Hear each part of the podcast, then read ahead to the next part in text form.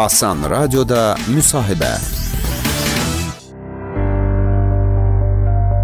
Salam, hər vaxtınız xeyir olsun, əziz dinləyicilər. Asan radioda müsahibəni dinləyirsiniz. Aparıcı mənəm Venera Vahabzadə. Qonağımız isə Span Azərbaycan şirkətinin bulu təhlükəsizliyi üzrə mütəxəssisi Samur Əhmədovdur. Xoş gəlmisiniz, salamlayırıq sizi. Təşəkkür edirəm, çox sağ olun. Samur müəllim, istərdim öncə işinizin nədən ibarət olduğundan danışasınız. Ümumiyyətlə həm ə, günümün effektiv olması üçün, həm özüm üçün, həm şirkətim üçün effektiv olması üçün onu mən 3 yerə bölürəm. Yəni ilk növbədə əsas ə, görüləcək işlər var ki, onlar yəni onlar məcburən görülməlidir. Bunlar birinci hissə aiddir. İkinci hissə, yəni mən işə gələn zaman ə, bilirsiniz ki, IT üzrə çalışanın bir mail olur və o onun mail qutusunda bir çox maillər olur. Hmm. Yəni hətta deyərdim ki, bu, bu birinci gün mən mail açanda təsəvvür edin 2 gün ərzində mənə hardasa 50-dən çox bir e-mail gəlmişdi. Yəni düzdür bu e, qeyri-iş vaxtıdır, amma təbii ki, Span şirkəti bir çox ölkələrlə çalışdığı üçün və vaxt fərqi olduğuna görə artıq birinci gün gələndə mən o mailləri oxuyuram. E, ikinci hissə məhz o e, maillərin oxu oxunmasıdır, müştərilərə vaxtı-vaxtında cavab verilməsidir və həmçinin də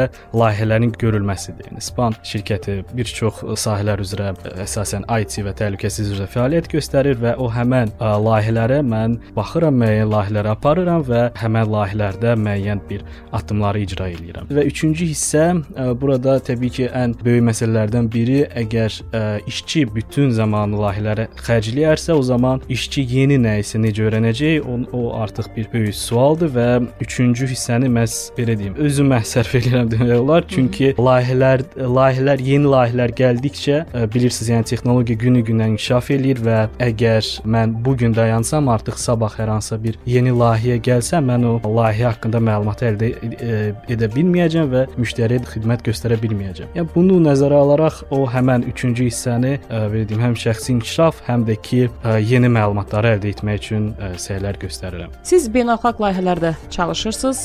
Başqa ölkələrlə müqayisədə Azərbaycanın informasiya texnologiya sahəsinin hansı xüsusiyyətlərini qeyd etmək olar? İlk öncə əsas xüsusiyyət ondan ibarətdir ki, yəni mən bu 1 il ərzində nəyin şahidi olmuşam? Məsələn, qeyri-IT rəhbərlərlə görüş zamanı, IT rəhbərlərlə görüş zamanı ə, mən fikir vermişəm ki, onların ə, məhz IT bazası, yəni belə deyim, IT baza bilikləri yoxdur. Məsələn, adicə verilənlər bazası, yaxud da verilənlər anbarı, yəni verilən anbarı deyəndə biraz ambardar kimi nəzərdə tutulur, amma o heç də ambardar deyil. Verilənlər anbarı ayrı bir belə deyim termindir. Yəni o həmin baza terminləri onlar bilmir və ə, nəticədə burada artıq o həmin rəhbər şəxsin proyekt zamanı bir çox sual yaranır. Biz bunu nəyə görə eləyirik, kimin üçün eləyirik? Bu nədir ümumiyyətlə bu bizə lazımdır yoxsa yox? İkinci əsas problemlərdən biri odur ki, məsələn, xaricdə Zaqreb səfərində, yəni Spanın öz əsas yeri Zaqrebdə yerləşir. O səfər zamanı mən fikir verdim ki, orada belə deyim, gender bərabərliyi orada Hı -hı, çox üstündür. yüksək, bəli, çox yüksək səviyyədədir. Misal olaraq biz necə öyrəşmişik? Yəni hər hansısa bir IT işçisi necə olsun, ya saqqallı olsun, yəni onun saqqalı olsun olsun vesairə, amma orada şirkətin belə deyim IT sahəsi üzrə 40% məhz xanımlardan təşkil olunur və bir məsələn bizim bir xanım işçi var ki, dünyada, yəni bütün dünyada 17 nəfərdən bir xanım ə, məhz bir texnologiyanı yüksək səviyyədə, yəni A-dan Z-yə kimi bilir və o həmin xanım bizim şirkətdə çalışır. Onlardan 15-i Microsoft-da çalışır, biri bilinmir hardadır hələ ki.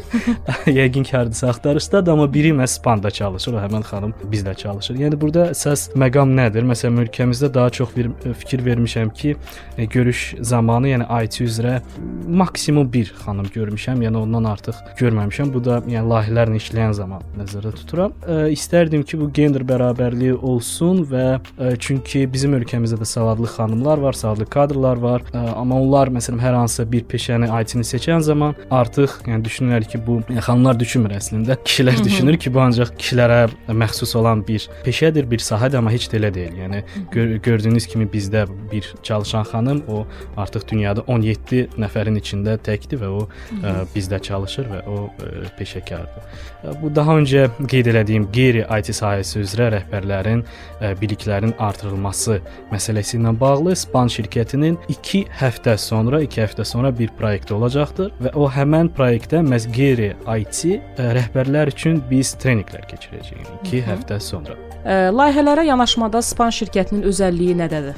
Span şirkəti mənim ilk şirkətim deyil və bir çox yanaşmanı mən görmüşəm müxtəlif şirkətlərdə. Spanın özəlliyi nədədir? İlk öncə özəlliyi ondadır ki, məsəl olaraq son 1 il ərzində ondan çox layihələrdə iştirak etmişəm və o layihələr necə gedib? Yəni layihə bildiyiniz kimi onun başlanğıcı olur, bir də sonu olur. Və sonda biz sifarişçiyə, yəni biz müştəriyə tam olaraq sənəd təqdim eləyirik ki, biz bunu bunu elədik. Bunu biz nəyə görə eləyirik? Bu həm ISO standartlarına, yəni dünya beynəlxalq standartlara uyğundur. Həmçinin məsəl olaraq ki, sabahları biz o həmin müştərinin yanında olmasaq, onda olan işçi rahat dokumentasiyanı açıb oxuya bilər ki, aha, məsələn, Samur falan olan işləri gördü və rahat şəkildə özü o problemi mi deyək və yaxud da ki, hər hansısa nə isə dəyişikliyi deyək, onu özü şəxsən icra eləyə bilər. Və digər özəlliyi nədən ibarətdir? Yəni biz bu həmin dokumentasiyanı, sənədi tam təhvil veririk. Digər üstünlüyümüz nədən ibarətdir? Misal olaraq elə bir müştəri olur ki, kiməsə deyir ki, bəs falan şirkətdə var, mən də bunu istəyirəm. Yəni hmm. məsələn mən bunu araşdırıram və baxıram ki, o həmin şirkətdə mindən çox istifadəçi var, amma o həmin şəxs şəxs ki, kim ki istəyir, onda cəmi 50-100 nəfər. Təbii ki, o həll bahalı olacaq və o həllin əsas, yəni IT həlləri, onların bir çox qolları var bildiyiniz kimi və o IT həllərin özləri bir bir neçə, yəni həllər, bir neçə həllərdən ibarət ola bilər. Və o həmin 1000 1000 nəfərdən çox istifadəçi istifadəçiyə o həmin hə, həllər, həllər toplusun deyim, onlar daha yaxşıdır, amma 50-100 nəfər üçün bunlar yəni lazım deyil. Bu qədər həllər lazım deyil. Amma bizdə bir deyim var, yəni qonşu nə eləyirsə biz də onu biz də təkrarlayıq. Bəli, biz də ondan hər istəyirik. Hər bir sahədə var o. Bəli, bəli, hər bir sahədə olaraq biz təbii ki, öz e, belə ekspertizamızı aparırıq və deyirik ki, yəni yox, sizin üçün ən yaxşısı budur. Çünki yəni əlavə xərclər və əlavə xərclərdən də bərabər o həmən belə deyim infrastruktura, o həmən həllərə kim nəzarət eləyəcək, o məsələlər də var. Yəni bunların biz hamısını span şirkəti olaraq deyirik ki, məsələn, bunu edən zaman artıq əlavə bir resurs, yəni əlavə bir adam yaxud da xüsusi bir komanda lazım olacaq. Bizə fərqli sahələrdə çalışanlar qulaq asırlar. Ona görə istəyirəm ki, e, bulud texnologiyalarının mahiyyətini daha asan dildə izah edəsiniz. Bəli, misal olaraq e, biraz geriyə gedəcəm. 20-30 il əvvələ. Daha öncə necə idi? Məsələn, hər hansısa bir filmi bəyənirdiksə, o gedirdik, ə, e, hansısa bir kaset, kaset alırdıq. E, yəni hər bir filmə aid müxtəlif kasetlər var idi və o kasetləri yığırdıq, video qoşub sonra baxırdıq video player. Amma bulud nədir? Yəni bulud həmin kasetləri siz artıq götürmürsüz, almırsınız. Hər bir filmə siz rahat olaraq internetdə artıq izləyə bilər, bilirsiniz. Hı -hı. Və buludun əsas özəlliyi ondan ibarətdir ki, yəni sizin verilənlər artıq internetdədir. Yəni bulud internetdir, belə düşünün düşünə bilərsiniz. Yəni internet vasitəsilə siz o həmin məlumatı əldə edə bilərsiniz. Hı -hı. Əlavə olaraq demək istərdim ki, ə, e, bizə ümumiyyətlə müraciətlər ə, e, necə olunur? Yəni bilirsiniz ki, bazarda bir çox şirkətlər var. Nəinki Azərbaycanda, həmçinin yəni dünya miqyaslı bir şirkətlər var. Necə olur? Adətən onların e, özlə adətən onların özləri müraciət edir ki, ki bizdə bu həll var, ə, gəlin biz bunu eləyək və s.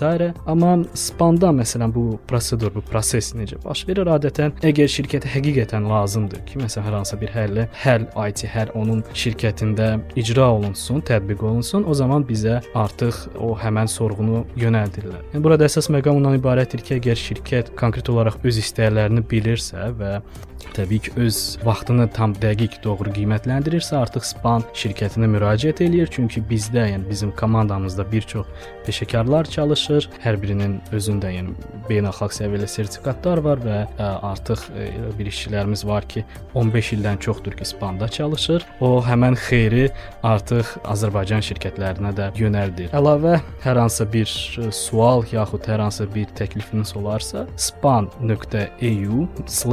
saytına keçərək oradan suallarınızı ünvanlaya bilərsiniz. Çox sağ olun, təşəkkür edirəm, minnətdaram. Çox sağ olun, xanım, xoş idi, sağ olun.